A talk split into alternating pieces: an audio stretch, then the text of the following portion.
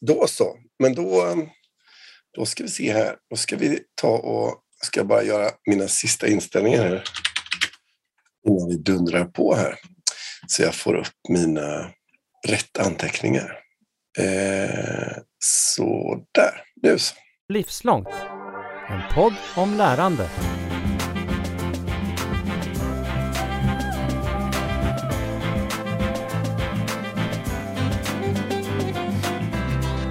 Ja, så himla roligt att du har möjlighet att vara med i, i vår podd.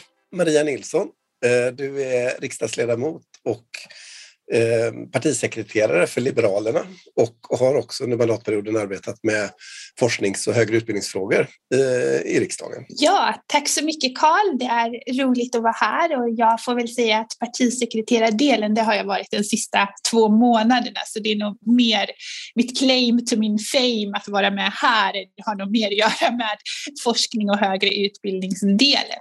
Och det är det vi ska prata om också eh, med mig, Karl Heath, i podden Livslångt.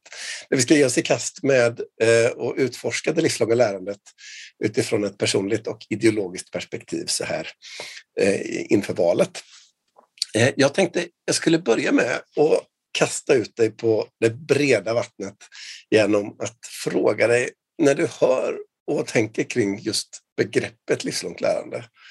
Vad innebär ett sådant begrepp för dig? Jag skulle säga att det innebär att man lär hela livet. Sen kan den, den inlärningen och det lärandet kan ju se väldigt olika ut. Det kan vara formellt lärande och det som vi ofta pratar om som väldigt byråkratiskt, ett omställning. Eh, men det kan också handla om, om lärande i en studiecirkelform eller bara ett, ett personligt lärande av en längtan efter ny kunskap, att få utveckla sig inom ett nytt område eller fördjupa sig inom ett, ett område. Och just när det kommer till det här lite bredare sammanhanget så har jag tittat lite grann nu när vi har de här samtalen med alla partierna att man förhåller sig till begreppet livslångt lärande lite olika i de olika partierna. Vissa använder inte begreppet i, i högre utsträckning och andra mer och så. Men när jag tittar hos er och söker på er webbsida så, så är det ett begrepp som ni i Liberalerna använder er av. Jag tror att vi får börja med att vi är ett kunskapsparti, gillar vi ju själva att säga i alla fall. Vi är ett parti som sätter kunskap, utbildning, bildning väldigt högt. Och det är ju en av anledningarna till att vi pratar så ofta om skolan och vikten av en bra skola. Så att jag tror att det är därifrån det kommer. Att vi också anammar begreppet livslångt lärande och sen att lägga på att har du valt ett yrke på gymnasiet till exempel, du ska inte vara fast i det yrket om du önskar vidareutbilda dig eller ställa om till en annan utbildning, utan du ska ha alla möjligheter att göra det också. Så det är nog en kombination av, av de delarna.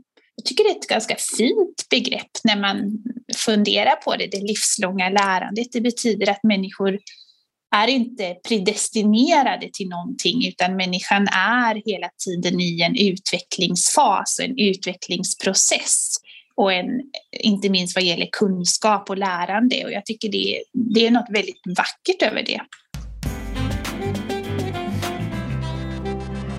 Och om vi för ett ögonblick eh, vänder den liksom, tanken till, till dig själv och eh, ditt arbete. Du har ju varit eh, riksdagsledamot sedan 2018 vill jag minnas.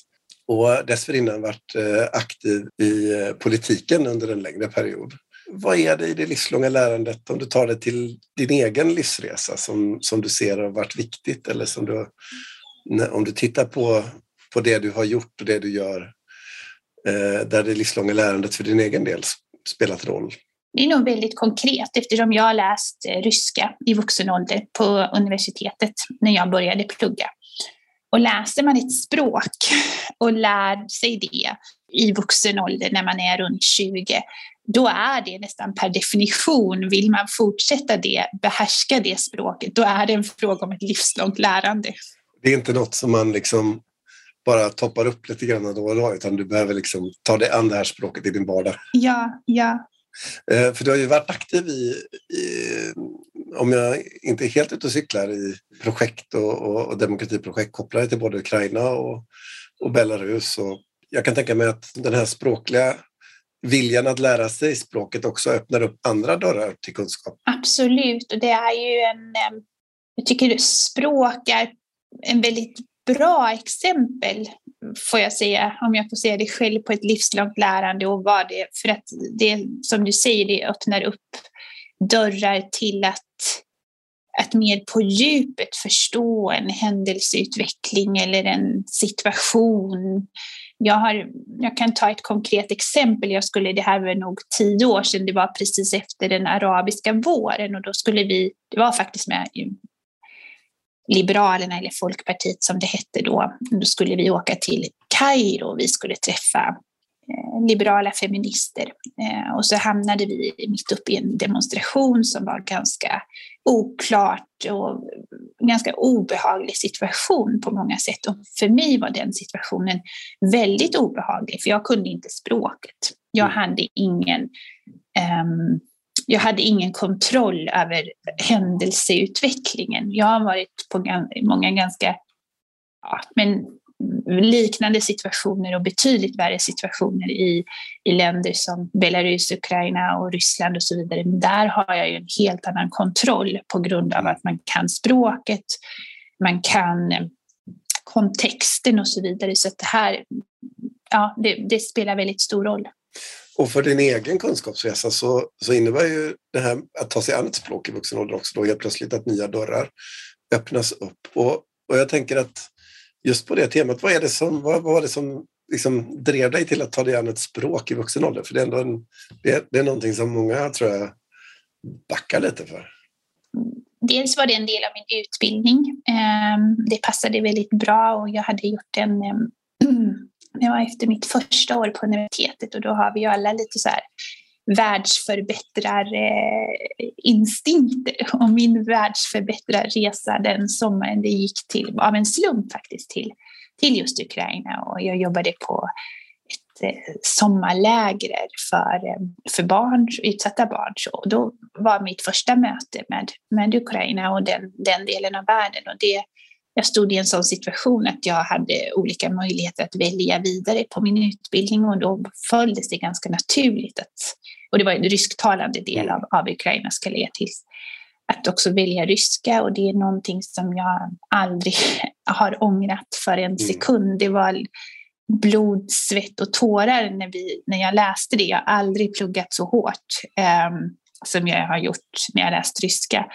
Men den, de dörrar som öppnas och till ett kultur, till en litteratur och så vidare. Det är, det är fantastiskt och det är därför som vi nu måste också se att vi säkerställer att det finns en återväxt av människor som, som vill lära sig ryska, mm. som vill lära sig kinesiska. De här när instinktivt är det länder som är, beter sig väldigt ohederligt och på alla sätt är diktaturer eller eh, väldigt starkt repressiva regimer på världspolitikens arena. Men för att vi ska förstå de här regimerna, för att vi ska kunna på något sätt gå på djupet så behöver vi en, en kader av människor som läser språket till exempel och som en ingång Så på det här sättet så är liksom det livslånga lärandet ur ett samhällsperspektiv, det blir liksom viktigt för att, så att säga, upprätthålla och förstå omvärlden. Eh, både för en som individ men också, också kanske för samhället i stort. Då. Det låter ju väldigt instrumentellt får man väl ja. säga och kanske lite social ingenjörskonst. Som Nej, vi, jag, tänker att, eh, jag tänker snarare att här, alltså, det var inte på det sättet jag menade det utan jag menar att det faktum att vi lär oss genom hela livet och att liksom som i ditt fall att du behärskar ryska i, och har tagit ett språk till dig, det öppnar upp världen och möjliggör för en massa saker. Och att det är någonting som att värdesätta både liksom för individen och för, eh, liksom för samhället i stort. Det, absolut, och det, det tror jag. Sen tycker jag att du kommer in på en väldigt intressant diskussion, för det är ju för vem är det livslånga lärandet? Är det Nej, för precis. individen eller är det för, för samhället i stort. Mm. Vem är det som slutligen ska gagnas, som man säger. Ja, och ska man ha den typen av, av målbild, eller mm. från en politisk nivå, från, um, jag tror att samhället kan ju, eller det här är min, min syn på det, men samhället kan ju aldrig riktigt gagnas om inte individerna gagnas med det. Vi ser ju, och det här är den liberala ideologin, mm. vi ser ju att samhället består, dess minsta beståndsdel är individer. Mm. Och det är individer som, som strävar efter ett livslångt lärande. Och sen på en ackumulerad nivå så bidrar det till en samhällsutveckling. Det, så det är, liksom ur ditt perspektiv så blir det en, det är en, det är en konsekvenslogik snarare, utan det börjar i människan och sen så mm. får det samhällseffekter någonstans. Ja, ja.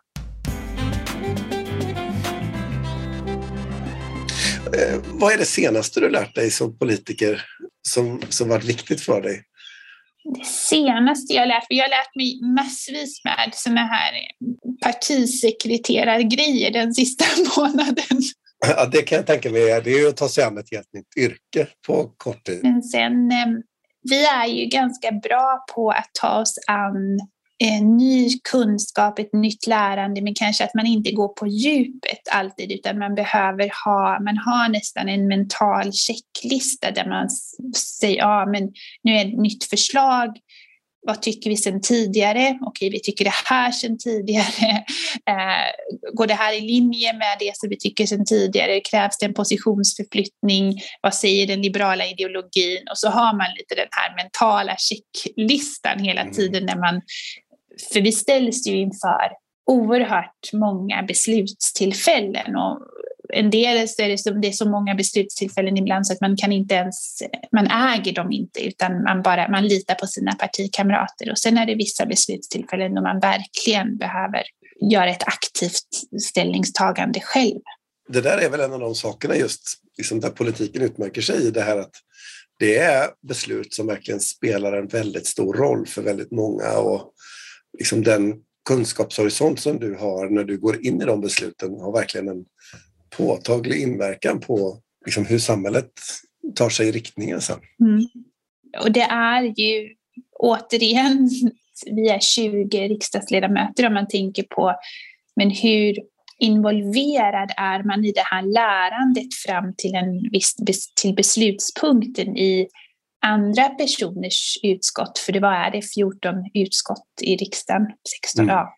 För oss så litar man helt på att våra kollegor har den ideologiska kartan tillsammans med våra tidigare beslut i ryggen.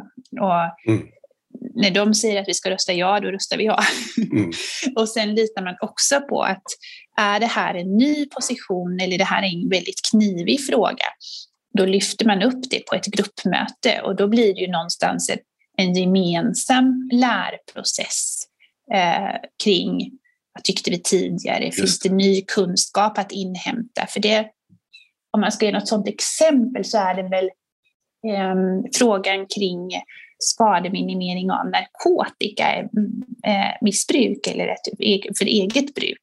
Att där har man ju gått från att vara väldigt repressivt inriktad till att ändå hämta in ny kunskap, inte minst från andra länder och, och där ändå göra vissa mindre positionsförflyttningar till att se att vi behöver en utredning kring, kring Ehm, effekterna av nuvarande narkotikalagstiftning. Just det, för omvärldens förflyttningar och insikter påverkar naturligtvis eh, de politiska positioner som ni har. Har man liksom satt sig i en viss politisk position så kommer det en massa ny kunskap. Jag föreställer mig att det ibland kan vara en ganska så hård resa att gå i ett parti som som har varit tydlig i en ståndpunkt och så kommer det nya insikter som man ser, ja men det här stämmer ju på ett annat sätt och så måste man så att säga göra den där resan som du beskriver. Verkligen. Nu, kan inte, nu är det ju den här NATO-diskussionen som har varit väldigt, väldigt uh närvarande och där har vi ju inte behövt göra den resan för vi har ju tyckt så i 20 år. Så där kan vi ju vara väldigt sådär smagd på engelska och säga att vi saw it coming long time ago.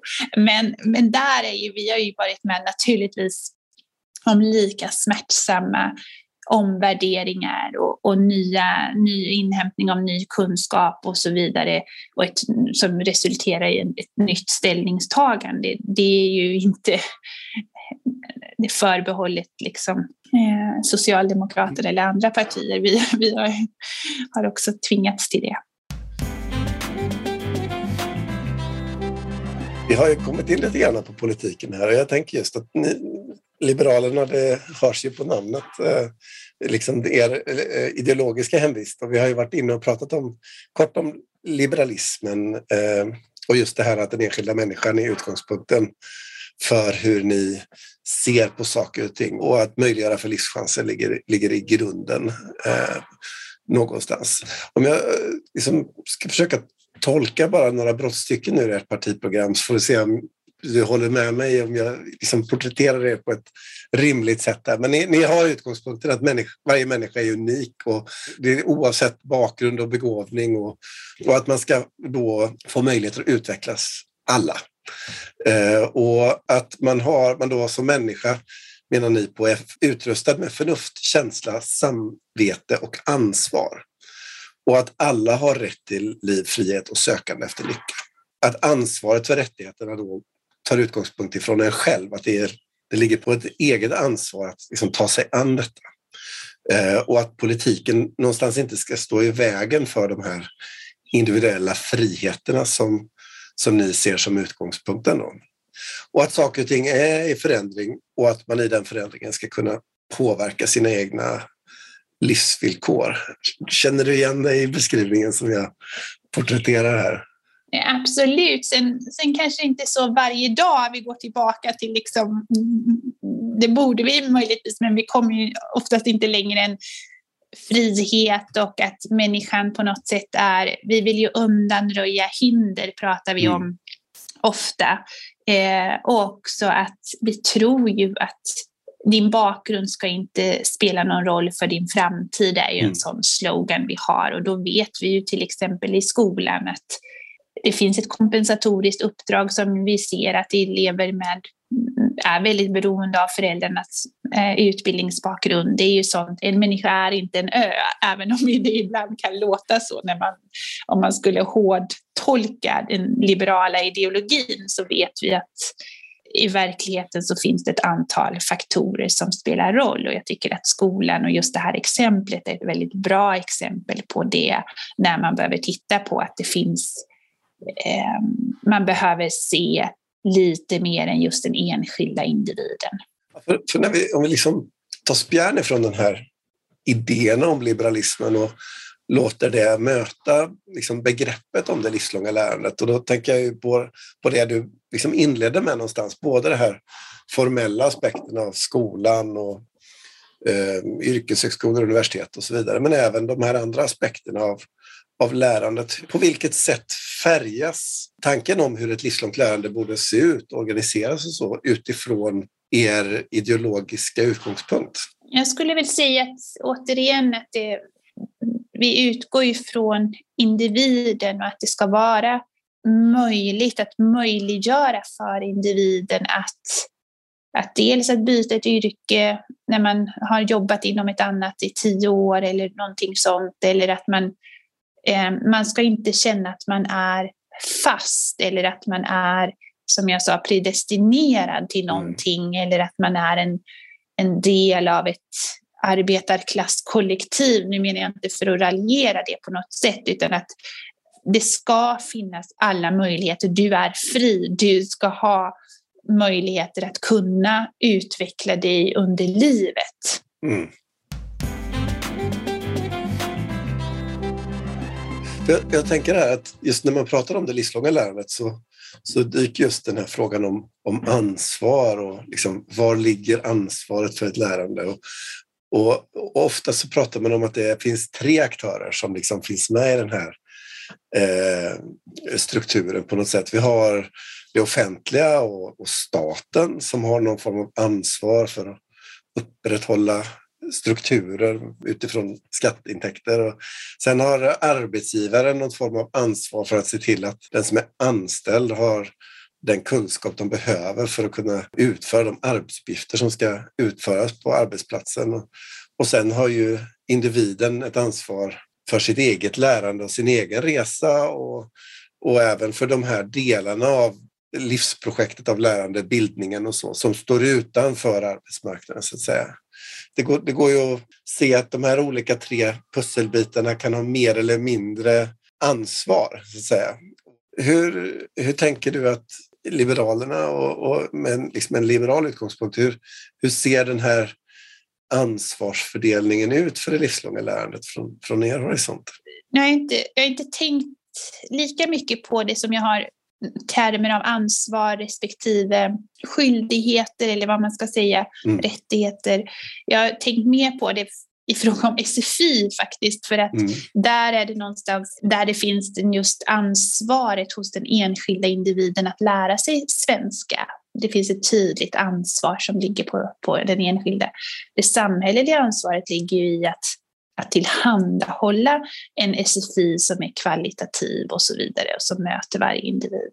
Jag skulle vilja säga att det livslånga lärandet så här, det är en mer intressant fråga för den är mer mångbottnad. För det kan ju också vara så att det finns individer som är helt ointresserade.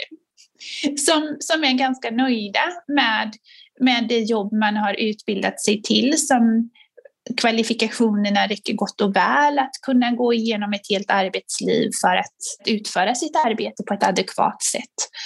Sen kanske man inte tror att man lär sig så mycket på sin tid, men jag tror att människan hela tiden har ett, på något sätt ändå ett passivt lärande, men det är väl någonting annat. Vi pratar väl mer om kanske om ett aktivt lärande. Ehm, men, men det är klart att det finns människor som har den ingången och jag har all respekt för det. Jag, det här är också den liberala idén att vi ska inte tvinga någon att du ska du byta yrken två gånger i livet för det har någon bestämt. Just det, just det. Eh, men är det däremot så att du har utbildat dig i ett yrke, arbetsgivaren säger att ja, men dina kompetenser här, vi lever i en förändlig värld, eh, du behöver göra någonting för att annars kommer vi inte kunna eh, klara av att du kan inte vara kvar här då finns det ju ett samspel och då är det ett samspel att individen också måste agera på det. Mm. För gör man inte det, ja men då får man ju ta konsekvenserna av det och konsekvenserna i det fallet är ju att du kommer att förlora ditt jobb. I arbetsmarknaden, i den kontexten, där vilar ansvaret på min egen utveckling i livet i, i första rummet på mig själv. Och sen ska arbetsgivare och, och stat och andra kunna möjliggöra för mig att göra saker och ting om jag väljer att göra det. Men att valet är på mig själv så att säga. Ingen annan kan bestämma för mig att jag ska lära mig en viss sak eller ge mig ut på en viss resa. Eller så.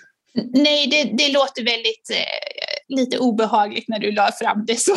Jag, jag, eh, jag menar inte att du var obehaglig utan att det var mer, jag funderade på, på hur du tolkade våra ingångar i det här och jag tror att du tolkar dem rätt. Men det är också så att likväl som jag pratade om exemplet kring SFI så handlar det ju exemplet kring eh, omställning då eller livslångt lärande att, att staten eller det offentliga ska, kan du inte arbeta kvar, låt säga att du gör det valet att nej, men jag, jag klarar inte av att vidareutveckla, utbilda, utbilda mig inom det här yrket. Jag, ja, du tar konsekvenserna, då måste det också finnas ett skyddsnät, det måste finnas alternativ. Att mm. okej, okay, du vill inte fortsätta inom det här yrkesområdet, men det finns en möjlighet att utbilda dig mitt i livet, det finns finansiella möjligheter, det finns eh, utbildningsmöjligheter, en utbildningsinfrastruktur för att du ska kunna göra det.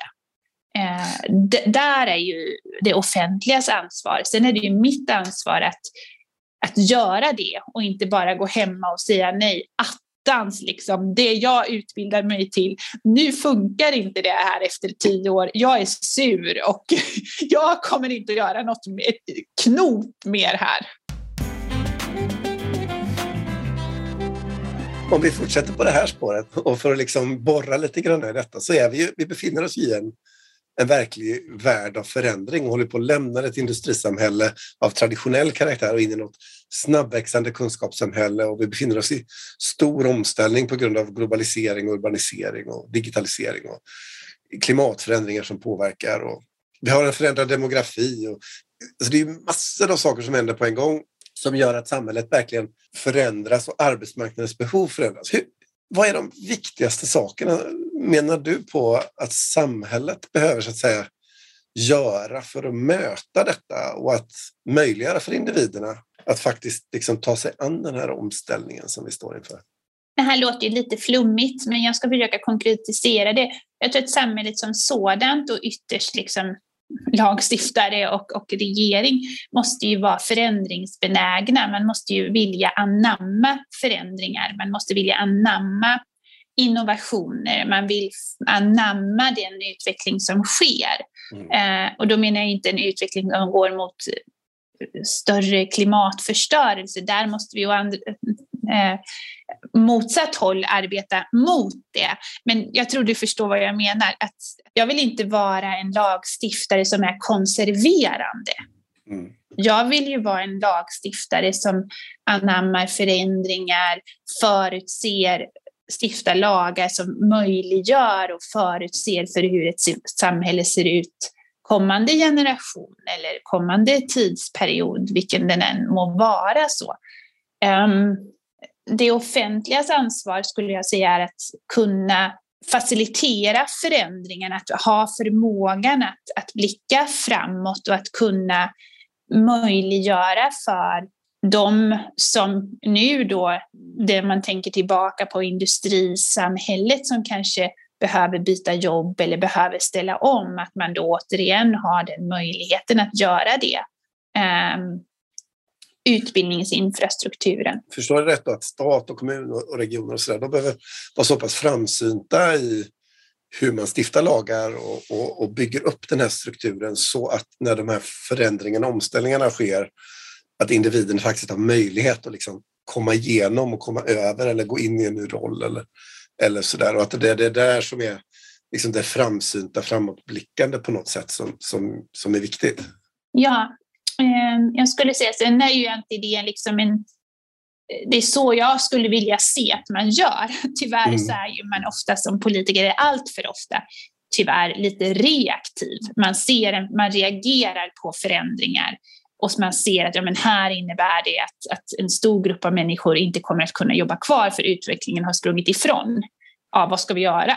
Jag har haft anledning att möta de här kommunerna i Norrland i deras omställningsprojekt i olika sammanhang och sånt. Och, och det är verkligen, liksom, jag, kan, jag kan höra deras ord framför mig när de säger så här, men det måste hända någonting nu. Och var är staten? Och så vidare. Och, och där de ger uttryck för det du beskriver nu, att det finns en liksom reaktivitet i det hela. Men vad, vad behöver, det, vad behöver liksom stat och kommun och det offentliga göra för att komma till den där punkten att man är mer framsynt och framåtblickande? Det här, jag är väl medveten om att det här är ett ganska fånigt exempel, men det är det, liksom det bästa exemplet jag kommer på så här i hastigheten. Um, men nu har vi ju, och jag tror att en av anledningarna till att man pratar ganska mycket av det livslånga lärandet just nu, det är dels den omställning vi är inne i, men också för den LAS-förändring och den LAS-reformering som man har gjort under den här mandatperioden som verkligen har har tagit fasta på det livslånga lärandet någonstans och behovet av omställning. Den kanske borde ha kommit för ett antal år sedan. Men vad skulle krävas för att man skulle komma till den punkten? Att eh, politiken är så framsynt som du önskar att den var? Jag tror att vi sitter nog alla själva och är väldigt framsynta. Om man bara fick själv bestämma i sitt Liberalerna eller i Socialdemokraterna, då ser man sig nog själv som väldigt framsynt. Men ofta de här typen av, av förändringar kräver ju ofta en bredare överenskommelse mellan partier. Det krävs att man har eh, flera involverade parter, kommuner till exempel, som tycker någonstans att det här är, man vill åt samma håll. För att vi har ju sett motsatta exempel på väldigt stora strukturförändringar där man inte är helt överens och det finns väldigt mot, motsträviga parter involverade och så vidare. Arbetsförmedlingens reformering till exempel under den här mandatperioden det är väl kanske, och det här låter tyvärr också lite banalt, men att vi är lite fasta i att vi är framsynta på vår egen kammare. Men vi mm. kanske, tyvärr så räcker ju inte det hela vägen för att det krävs att, att vi är lite framsynta tillsammans. Just det, just det. Ja, vi, ska, vi ska ta och runda av samtalet här, men jag tänkte att vi skulle återvända lite grann till, till dig och, och, och, och ditt lärande och så. Men, men väldigt, väldigt enkel, men kanske svår fråga. Jag tänker att det finns ju saker och ting i livet som man önskar att man lärt sig, men som man ännu inte har lärt sig. Ett lärandeprojekt eh, som du ännu inte har tagit tag i, men som skulle vara väldigt, väldigt roligt eller engagerande eller insiktsskapande för dig att göra. Vad skulle ett sådant projekt vara idag? Nu kände jag att jag började så högtflygande med liksom ryska och ganska så typisk, en lite elitistisk liberal. Så nu ska jag liksom inte fortsätta på det spåret och få alla fördomar infriade. Jag skulle faktiskt väldigt gärna sy bättre. Jag skulle vilja, jag tyckte det var väldigt roligt att sticka när jag gick i skolan. Det har jag liksom förlorat. Jag tänkt många gånger att Åh, men jag skulle vilja liksom gå en sån stickkurs. Jag, ja, så jag skulle vilja bli bättre på att göra saker med händerna. Nej, stickningen har jag inte heller lyckats ta mig an, men vår, eh, vår producent i den här podden är en, är en iogd stickare och det är ju jätteroligt att se resultat av saker man gör när man faktiskt har dem framför sig. Ja, vad roligt. Men då, då har vi anledning att återkomma i frågan och, och se om en tid om hur det har gått med stickningen. Stort tack eh, Maria för att du har varit med i podden Livslångt. Tack själv, jättetrevligt verkligen. Det var Maria Nilsson det, riksdagsledamot och partisekreterare för Liberalerna. Maria är en av alla politiker vi intervjuar här i Livslångt inför valet med fokus på lärande i samhället. På torsdag är det dags för den sjätte delen i vår valserie. Då hör du Richard Jomshoff från Sverigedemokraterna. Du har just hört Livslångt, en podd från RISE om allt det där man lär sig i livet.